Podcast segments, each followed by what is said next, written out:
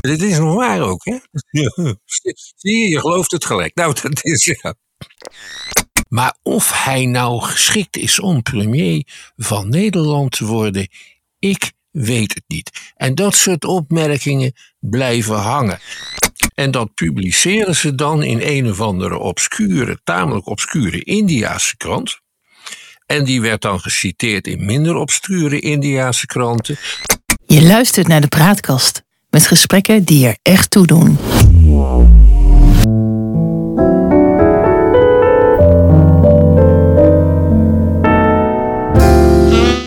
Welkom bij de Praatkast.nl. Dit is een aflevering van het Geheugenpaleis. Mijn naam is John Knerim en samen met Han van der Horst maken we deze podcast. De geschiedenis die haalt zich nooit, maar rijmen doet hij vaak wel. En dat gegeven gebruiken we in het Geheugenpaleis om dieper in te gaan op de actualiteit. Om zo te ontkomen aan de waan van de dag en om tot de kern van het nieuws te komen. Han, je wil het hebben over fluistercampagne.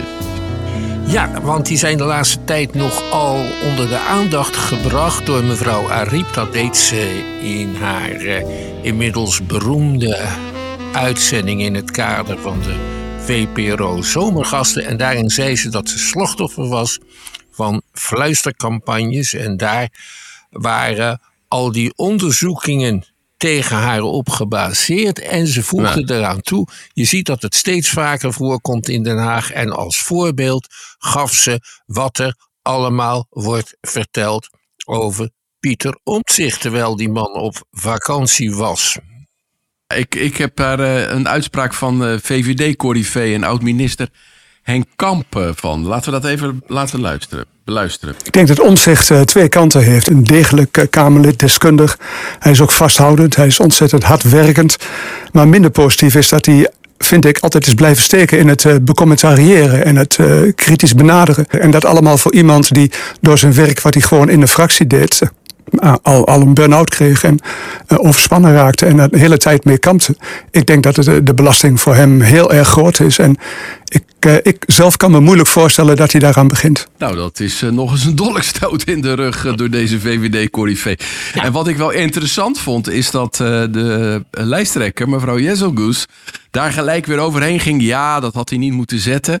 Zeggen op deze manier, waardoor zij zich een soort presidentiabel maakte ja. door daar afstand van te nemen. En dat niet alleen, maar ook nog de opmerkingen van Henk Kamp nog eens extra onder de aandacht bracht. Hè. Dit is echt absoluut vakwerk. Hier moeten spindokters uh, achter zitten. Dat, uh, dat kan Geweldige stunt van de VVD. Uh, ja. ja. maar goed, uiteindelijk komt het erop neer dat hij omzicht op deze manier natuurlijk een beetje zwart gemaakt wordt. Ja. Maar ja, het is toch ook wel een beetje waar wat hij zegt. Hij is toch overspannen geweest. Het is toch een man die niet zo goed kan samenwerken. Dat hebben wij ook wel eens in een podcast geconstateerd. Daarmee is dat dan nog geen fluistercampagne. Nou, het wordt de laatste tijd wel heel vaak gezegd. En dan meestal een beetje terzijde. Hè, van geweldige man oh, ja. die omzicht. Maar of hij nou geschikt is om premier van Nederland te worden. Ik weet het niet. En dat soort opmerkingen blijven mm. hangen. En omdat de hele Nederlandse politiek vreest dat hij uh, alles overhoop zet met zijn eigen partij uh, is het van belang dat dit ja. soort dingen bij de kiezers blijven hangen. Van ja, misschien wordt hij ja, ja, wel overgespannen. En is hij eigenlijk niet een beetje lang met vakantie nu, terwijl die vroeger toch enzovoort. Nou, dat soort dingen kan je het beste onder het publiek brengen met uh, van mond tot mondroddels, om zo te zeggen. Oh ja. uh, als je dit te duidelijk en te hard in de media brengt, bijvoorbeeld, heb je kans dat je weerwoord krijgt. Maar tegen uh, bewust op straat rondgebrachte roddels, dat je bij wijze van spreken met 50 activisten een aantal cafés ingaat en daar ga je dat vertellen. Cafés ja. waarvan je weet dat er mensen zitten met belangstelling voor politiek. Of op bepaalde vergaderingen ga je dat doen. Of op kantoren van nou, die, uh, die uh, ontzicht, ik weet het niet. Hij heeft tot nog toe een hele nuttige rol gespeeld. Maar of die nou niet een stapje te hoog wil, waar hij wel moet falen, ik weet het niet. En dat ja. moet je op allerlei, in allerlei varianten volhouden. Er heeft bijvoorbeeld iemand vastgesteld dat er maar één Kamerlid is dat zoveel met moties van de FVD eh, heeft meegestemd zonder lid te zijn van de FVD. En dat is omzicht. Dat is vastgesteld. Dat vertel ik nu. Ik vind Ja. het geloofwaardig, maar ik heb het niet gecheckt. Dus Is het ziet- waar trouwens, dit verhaal of niet? eh? Ik zei net, ik heb het niet gecheckt. Ah, ja, ja, ja, ja. ja. Maar ik verspreid, ik verspreid het verhaal nu wel. Ja. En dat is een proces dat je overal ziet. Dat is trouwens al zo oud als de mensheid. Eh, maar het is eigenlijk pas in de 20e eeuw een beetje geprofessionaliseerd. Zodat het eh, systematisch kan worden ingezet. Ja, het doet me ook denken aan, de, aan die villa van eh, Frans Timmermans die op social media rondwaait. Is dat niet zijn villa? Hij schijnt hem verkocht te hebben of zo. Maar het is Oh, hij niet- was wel van hem. Kijk, het is natuurlijk iemand die altijd nogal goede banen heeft gehad. Dus die kan Ja. zo'n huis betalen. Ja. En dat heeft hij dus gekocht. Dat wordt in het algemeen linkse politici heel erg kwalijk genomen als ze een beetje behoorlijk wonen. En als ze niet een beetje behoorlijk wonen, dan wordt het ze kwalijk genomen.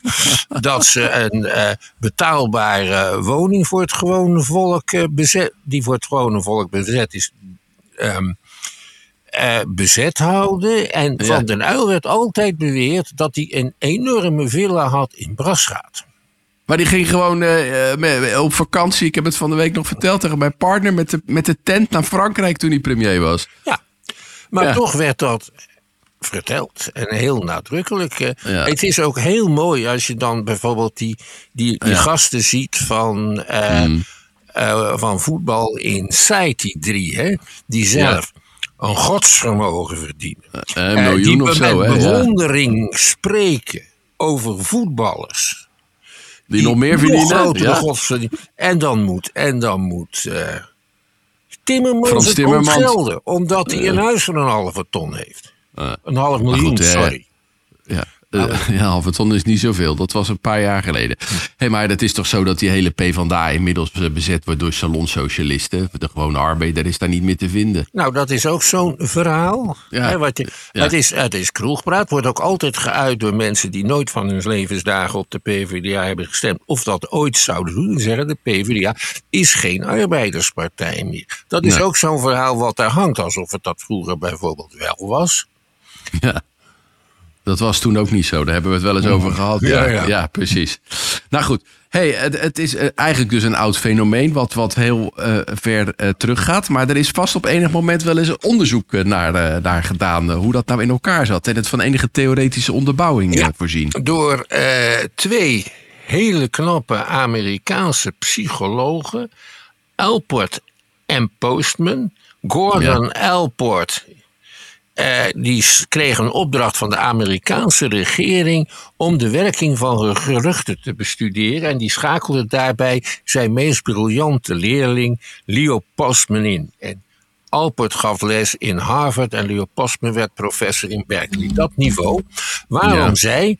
Omdat de Amerikanen in de Tweede Wereldoorlog erg veel last hadden van kwaadaardige geruchten die het moreel aantasten in de munitiefabrieken, maar ook onder de soldaten.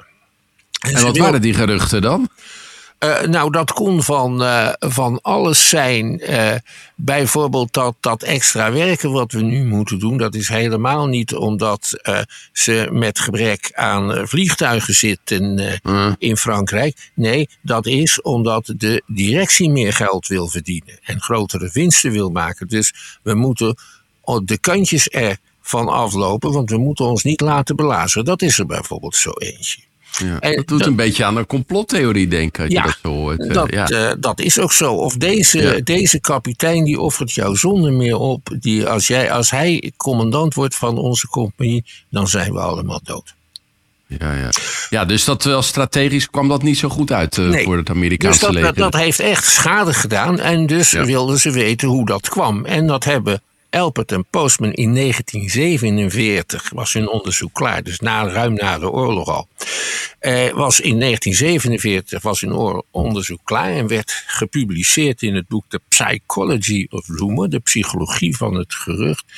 Ja. En daarin staat het volgende: mensen willen hun omgeving kunnen verklaren. Daar willen ze uitleg over hebben. En als dat ze die uitleg niet krijgen, dan ontstaat er in hun brein als het ware en in hun ziel een gat. En dat gat willen ze vullen. En dat vullen ze dan met dingen die ze zelf verzinnen en die ze zelf plausibel vinden. Ja. En dat is zelden gunstig ten opzichte van de mensen die die informatie niet verstrekken, want die verzwijgen kennelijk iets. En jij verzwijgt geen dingen met goede bedoelingen, nooit. Ja, ja. ja? Dus, dus, dus, dus dat is het principe. Dus ja, dat, dat, doet, dat, dat doet me wel heel erg denken ook bijvoorbeeld aan de verhalen van, van rond corona of uh, van het World Economic Forum. Dan heb je de, de, de klok wel horen luiden, maar je weet niet waar die klepel hangt. En dan gaan ze eigenlijk op zoek naar hoe die klepel dan precies bevestigd is. Ja. En dat maakt ze dan eigenlijk vatbaar voor ja, verkeerde voorstelling van zaken. Ja, en die ga je dan geloven, die ga je dan met anderen bespreken. En dan wordt het, uh, wordt het steeds erger en erger en erger. Dus. Ja. Uh, hoe bedoel je dat? Erger en erger en erger? waarom wordt, waarom kom je dan in een... In een... Het, het gerucht wordt steeds kwaadaardiger en steeds uh, oh. uitgebreider. Er komt steeds iets bij waardoor het erger wordt, zeg maar. Uh, ik stond uh, op de tramhalte. Twee jaar geleden kwam er een grote demonstratie voorbij van honderden mensen. Die hadden een heel groot spandoek bij zich. En daar stond op: Rutte, blijf met je fikken van onze kinderen af. Want die mensen geloven dat Rutte deel uitmaakt van een wereldwijd netwerk dat aan pedofilie en kindermoord doet. En als ik in die kringen ga zeggen, weet je, mm. volgens mij als er nou zo'n overheidsgebouw wordt neergezet of een nieuw raadhuis, dan wordt er eerst een kind geofferd. Ja. ja. En, dat gaat, dan, en, dan gaan, en dan de volgende keer zeggen ze, en het nieuwe stadhuis in Bodegraven, ja. daar ligt een kind onder. En zo werkt dat.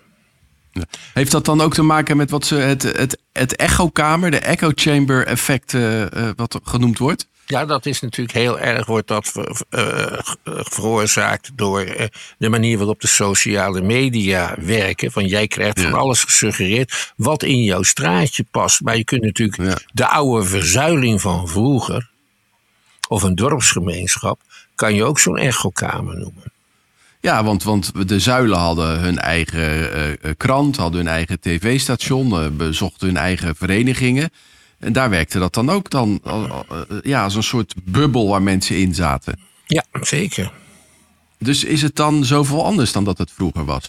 Uh, nou, het goede is dat het in ieder geval uh, duidelijker wordt dat dit soort processen leven. En dat mensen ook over de aard van die processen praten. Dat er over wordt geschreven, dat je er dingen over kunt zien op de televisie. Dat is het grote voordeel vergeleken met vroeger. Toen gebeurde dat veel minder. Ja, dus dan bleef je in die bubbel hangen en werd je ook niet met dat het mogelijk anders zou kunnen zijn uh, geconfronteerd? Uh, nou, dat het mogelijk anders zou kunnen zijn, dat was uh, in het Nederland van de jaren 30 tot en met de jaren 50 toch ja, een vrij ongebruikelijke mening. Want je zat in je zuil en daar bleef je in. En er is betrekkelijk weinig wisseling van de dat mensen van hun geloof afvallen en ineens liberaal worden of ineens socialist. Dat kwam wel voor, maar niet vaak. Maar is dan de ophef die er dan nu is over dit soort zaken dan niet een beetje ja, eigenlijk goed nieuws dat er ophef over is? Omdat dat, dat je nu aan de ene kant de hele tijd in je eigen bubbel zit, maar tegelijkertijd ook niet aan, eraan kan ontkomen om kennis te maken met denkbeelden uit andere bubbels. Ja, dat is zo als je daartoe bereid bent natuurlijk. Ja, want je moet wel uit die bubbel gaan en dan buiten die bubbel uh, geloven wat je daar tegenkomt. Ja.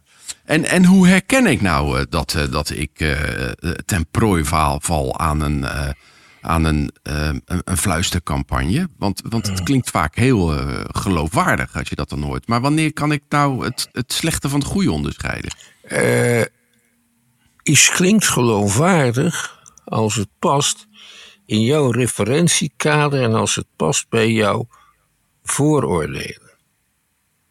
Dus Ja. eh, jij hebt bijvoorbeeld, denk ik, niet zo'n verschrikkelijk hoge pet op van mensen die uitsluitend in eh, overheidsfuncties hebben eh, gewerkt en daarna van alles gaan beweren over management en zaken doen.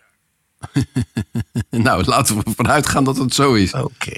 Dan weet ik dus ehm, wat ik moet doen om mensen in jouw ogen zwart te maken. Ik moet ze associëren met de overheid en zeggen ze bemoeien zich met zaken doen. En daar moet ik dan een beetje plausibel verhaal over verzinnen. Ja, ja. Net als zo'n man als De Mos bijvoorbeeld. Hè? Die heeft Richard de Mos hebben we hier in Den Haag. Een Ja. beetje schoolmeester geweest. En die heeft verder ook nog nooit van zijn leven echt gewerkt. ja, dat zou je ook. En het is er zo een eigenlijk. En dit is nog waar ook, hè? Ja, ja, ja, ja. ja, gelooft het gelijk. Nou, dat is... Ja.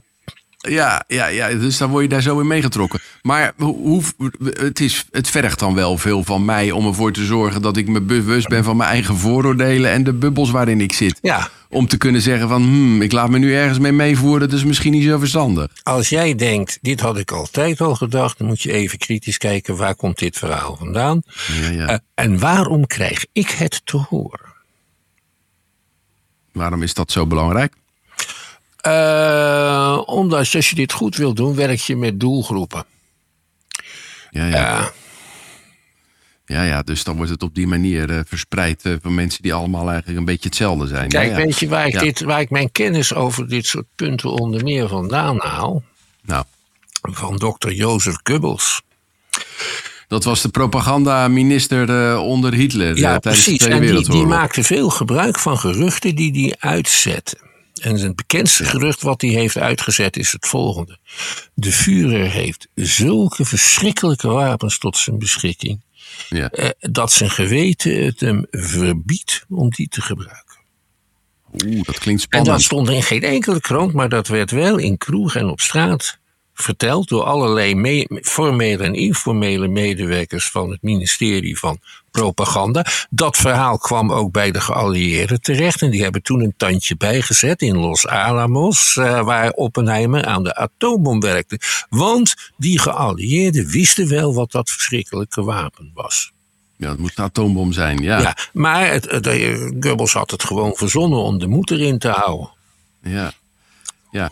Zou je ook kunnen zeggen bijvoorbeeld dat die trollenfabrieken die in Rusland eh, zitten en die eh, geprobeerd hebben de Amerikaanse verkiezingen te beïnvloeden, of dat eh, bedrijf wat voor de Brexit allerlei leugens de wereld in heeft geslingerd, eh, dat, dat dat zich ook op het niveau van een fluistercampagne bevindt? Ja, en die trollenfabrieken, dit is duidelijk gebaseerd op de ervaringen van de Sovjet-Unie de Tweede Wereldoorlog en de Koude Oorlog. Ja. Een van de geruchten die de Sovjet-Unie bijvoorbeeld verspreid heeft in de jaren tachtig, dat was dat ehm aids in een Amerikaans laboratorium was ontstaan. En dat publiceren ze dan in een of andere obscure, tamelijk obscure Indiaanse krant. En die werd dan geciteerd in minder obscure Indiaanse kranten. Dan is zo'n beetje weg waar dit verhaal vandaan komt. En dan Dus gaat witgewas het de hele wereld eh. over. Ja, ik heb er nog eentje. En die Ja. is denk ik van de Pakistanse geheime dienst. Want die kwam ik een paar dagen na de aanval op de Twin Towers al tegen in een krantje. Dat heet, die heette de Frontier Post. Dat is een Pakistaanse krant in de buurt van Afghanistan. En daar keek ik in. En daar stond alle Joden met één betrekking in de Twin Towers hebben op 9-11 een vrije dag genomen. Ja, ja, ja. ja. Verder niks, hè? Niet erbij Ja. dus. Dan de conclusie moet je zelf trekken. Ja, ja, die ligt eigenlijk daar al Ja? in besloten. je Dus moet dat ook nooit dat, zeggen van omzicht is niet geschikt voor het premierschap. Maar je moet zeggen, iemand, dat heeft, eh, dat heeft die kamp, hè, wat een grote vuillak Ja, is, dat heeft die kamp goed gedaan. Ja. Ehm, door te zeggen van iemand die daar al overspannen van wordt. Van een beetje werken in de Kamer. Moeten we daar nou van denken? En dan moet jij de conclusie trekken.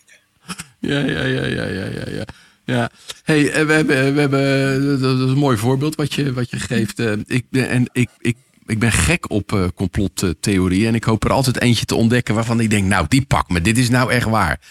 En dan ga ik op onderzoek uit. En dan kom ik inderdaad vaak, want er staat ook op, op een beetje alternatieve nieuwsites dan ook verhalen. Ja, dat is in die en die krant gepubliceerd. Ja. Dus dat lijkt dan heel wat. En dan ga je naar zo'n krant of zo'n website toe. En dat blijkt dan vaak gewoon, ja, een beetje een website te zijn van, van, van dubieus allooi, zal maar zeggen. En, en, en daardoor proberen ze zo'n bericht toch enige status eh, te geven. Dat dat toch, toch ja, misplaatst is. Terwijl als het van de New York Times komt waarvan je weet dat er een hele juridische afdeling zit. Uh, en waar mensen echt uh, checken. Hè, dan gaat het om de feiten, de feiten en de feiten. Dat komt voor mij veel geloofwaardiger over. Ja, ik was wel bij een of andere pensioenbijeenkomst in Leiden met allemaal hoogleraren.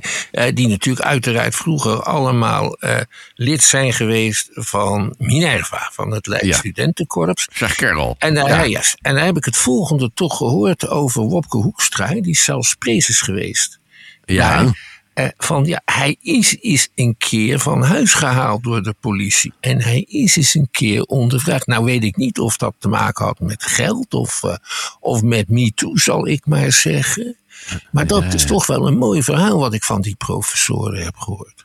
Ja, ja. Is dit echt waar? Wat je nu nee, dat zit ik ter plekke te verzinnen. Ja, ja. En dan, daarmee eh, zou je ook weer zo'n gerucht eh, kunnen, kunnen verspreiden. Ja. Nou ja, goed, in de Eerste Wereld of in de Tweede Wereldoorlog, het is eigenlijk van alle tijden, maar werd dat natuurlijk ook uh, gebruikt. Dat was de reden voor de Amerikanen om het eens eventjes wat te gaan onderzoeken. En die hebben daar waarschijnlijk nadien een, een, soort kunst van gemaakt. Ja, voordien al een beetje, want ze wisten zelf wel hoe het moest. En ze hadden bijvoorbeeld het radioverkeer van een leger van anderhalf miljoen mensen. Dat leger bestond helemaal niet. Je kon, de Duitsers die hielden uh, van die, van die spionagevluchten. En dan zagen ze wel overal tanks en zo en kampen, maar dat was allemaal bordkarton. En dat leger ging landen bij Calais. Dat bestond helemaal niet. Ja, dat was de afleidingsmanoeuvre om de Duitsers te laten geloven dat de invasie zou plaatsvinden in Calais in plaats van in Normandië. Precies, een van de vele afleidingsmanoeuvres. Daar kan ik verschrikkelijk lang over doorgaan. Uh, de grote kenner op dit gebied, waar ik ook een erg groot bewonderaar van ben, dat is een Amerikaanse generaal Edward Lansdale. Ja. En die heeft uh, met op dit soort methodes uh, Ngo Dinh Diem in Zuid-Vietnam de verkiezingen laten winnen en Ho Chi Minh op die manier uh, op een afstand gehouden. Onder meer door het verspreiden van het volgende gerucht. Um, als Ho Chi Minh aan, het, uh, aan de macht komt, voert hij onmiddellijk nieuw geld in. Bovendien hadden ze een horoscoop op de markt gebracht. Daar moest je gewoon geld voor betalen. Uh, waarin stond dat als Ho Chi Minh aan de dat, dat met, in de sterren stond dat dat met Ho Chi Minh helemaal fout zou gaan. Heeft enorm veel invloed gehad. Uh, dat soort dingen deed hij ook op de, op de Filipijnen. Dus de Amerikanen maken daar gebruik van. Dus ook de Heilige Maagd inzetten. Hè? Dus de Heilige Maagd is verschenen en die heeft de Sandinisten veroordeeld. Ja, ja, op de Filipijnen. Nee, dit is ja, dan Nicaragua. En de, op de Filipijnen waren ook allemaal heiligen, maar ook allemaal boze geesten die kwamen. Waarbij ze soms zelfs verborgen uh, luidsprekertjes inzetten. Ja. Maar, maar als, als ze daar op die manier mee bezig zijn geweest, het is, het is toch wel, wel wat anders dan spinnen eigenlijk, hè? Ja, ja, het, ja. Uh, het is wel erg nauw verwant aan spinnen. Ja. Dit gaat heel ver, want hier, hier, hier functioneer je in een oorlogssituatie en met de vijand mag je alles doen. Ja, en ja. liefde en oorlog is alles, alles oorlog, oorlog, zeggen ze wel ja. eens. Uh, ja, ja. Um, maar als je dat dan zo hoort, dan, dan is het toch ook niet gek dat er over de Amerikanen zelf ook allerlei verhalen de, de wereld in komen. Over hoe ze in, in, in Oekraïne hebben geïnterveneerd uh, op een subtiele wijze. Ja. En, uh, en, en, en, en je hebt ook wel eens verteld dat ze volgens mij uh, na de Tweede Wereldoorlog gezorgd hebben dat de communisten niet in Italië aan de macht zijn ja. gekomen. Ja. Dat hebben ze, ja, en, en, en in Frankrijk ook niet. Dus dat, dat hebben ze allemaal goed gedaan. En de Sovjet-Unie heeft daar ook veel ervaring mee. En omdat de Sovjet-Unie een dictatuur is en dat Poetin van de KGB komt, is die kennis natuurlijk goed bewaard en in stand gehouden. En daar komen die trollenfabrieken vandaan. En ze doen het vaak goed hoor. Ja, zoals een paar dagen geleden ook een, een nogal verontrustend bericht dat de Russische straaljagers het Nederlandse rugruim zo wat hadden bereikt. Dat denk ik ook. Ja, waarom moeten we dat weten? Wat is daar nu bijzonders aan? De suggestie die gewekt wordt, is dat de Russen op het punt staan om Nederland aan te vallen. Ja, eerst wek je die suggestie, maar dat is, daar moet je natuurlijk mee oppassen, want daar kunnen mensen erg bang van worden. Dus dan komt er daarna een kolonel die zegt, nou, en dat doen ze wel eens vaker. En eigenlijk hoefden wij niets te doen, want de Denen hadden al een waarschuwing gegeven.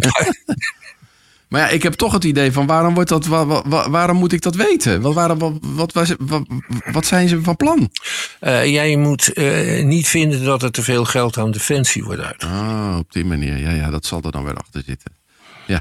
Hey, en, en als ik nou het, maar het slachtoffer word uh, daarvan, ook misschien omdat ik niet, niet altijd helemaal duidelijk ben geweest als politicus of wat dan ook. Hoe kan ik nou ja, dat terrein weer terugwinnen? Nou, daar hebben Alpert en Postman een goed advies voor.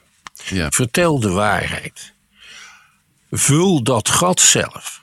En in het geval van de Tweede Wereldoorlog, in alle situaties, zeggen ze: licht de mensen zoveel mogelijk en zo precies mogelijk en zo eerlijk mogelijk in, want daardoor snijd je geruchten de pas af. Een heel groot schepper van geruchten is bijvoorbeeld Wopke Hoekstra, juist door die zinledige verhalen en dat geratel van hem al die tijd. Want dan gaan mensen denken, wat zou daar nou achter zitten? Ja, dus, dus, dus, als overheid, als je echt iets wil bereiken en, en niet eh, in het verkeerde daglicht geplaatst worden, zo open en transparant mogelijk zijn over wat er gebeurt. En dat is Rutte bijvoorbeeld niet. En dat, en dat, heeft, hem, dat is, heeft hem voor een belangrijk gedeelte is een hele goede reputatie gekost de laatste twee jaar. Met, ja, dat weet ik niet meer. Uh, daar heb ik geen herinnering aan. Daar kan ik nu niet over praten. Um, dat soort zaken, ja. Nou ja, wat gaan we nog zien dan de komende campagne? Want uh, het lijkt wel een beetje vuil te gaan worden. Ja, ik denk dat het de vuilste uh, verkiezingscampagne uit uh, Nederlandse geschiedenis gaat worden. Met ontzettend hmm. veel roddel en achterklap en persoonlijke aanvallen. En we hmm. kunnen daar maar één ding tegen doen als kiezer. Afstraffen? wat je gaat, stel je staat daar op de vergadering, ja. En dan zeg je, meneer de kandidaat, dat was een mooi verhaal. Noem de drie dingen die u de komende vier jaar absoluut wilt bereiken. Oh ja, ja. ja en, en, de, en in de rest van uw praatjes zijn we niet geïnteresseerd. Waar gaat u, wat gaat u absoluut oplossen, wat het ook kost? Wat vindt u het belangrijkste? Nou, dat vind ik wel een aardig advies wat je kan geven. En dan op die manier probeer je de vuilspuiterij een beetje voor te blijven, ja. zeg maar. En ook, de, en ook het mooi weerspelen en de, de verhalen van... De, wij zijn onze verantwoordelijkheid voor de klimaatcrisis. Nou, is prima. Uh, waar wil je in 2027 staan? Wie moet dat betalen? ja. ja. Ja. En wat gebeurt er dan met mij? En daar moet je een antwoord op geven. En als dat antwoord niet duidelijk is en niet concreet, moet je op zo iemand niet stemmen. Nou, dat lijkt me dan heel helder. Uh, dit uh, advies om ervoor te uh, zorgen dat wij niet ten prooi gaan vallen aan allerlei fluistercampagnes waarin we zelf gaan geloven. Moeten het hierbij laten, deze aflevering van het Geheugenpaleis. We maken dit in samenwerking met de Praatkast en de uitzendingen zijn te vinden op www.praatkast.nl. Abonneren op onze podcast kan in de podcast app die je vaak gebruikt. Dan krijg je automatisch een bericht wanneer een nieuwe aflevering online komt. En wil je ons mailen, stuur een bericht aan info.praatkast.nl. Voor nu bedankt voor het luisteren en tot de volgende keer. Wees gelukkig, blijf gezond en wees van dit altijd verzekerd. Als het op het geheugenpaleis was, is het waar.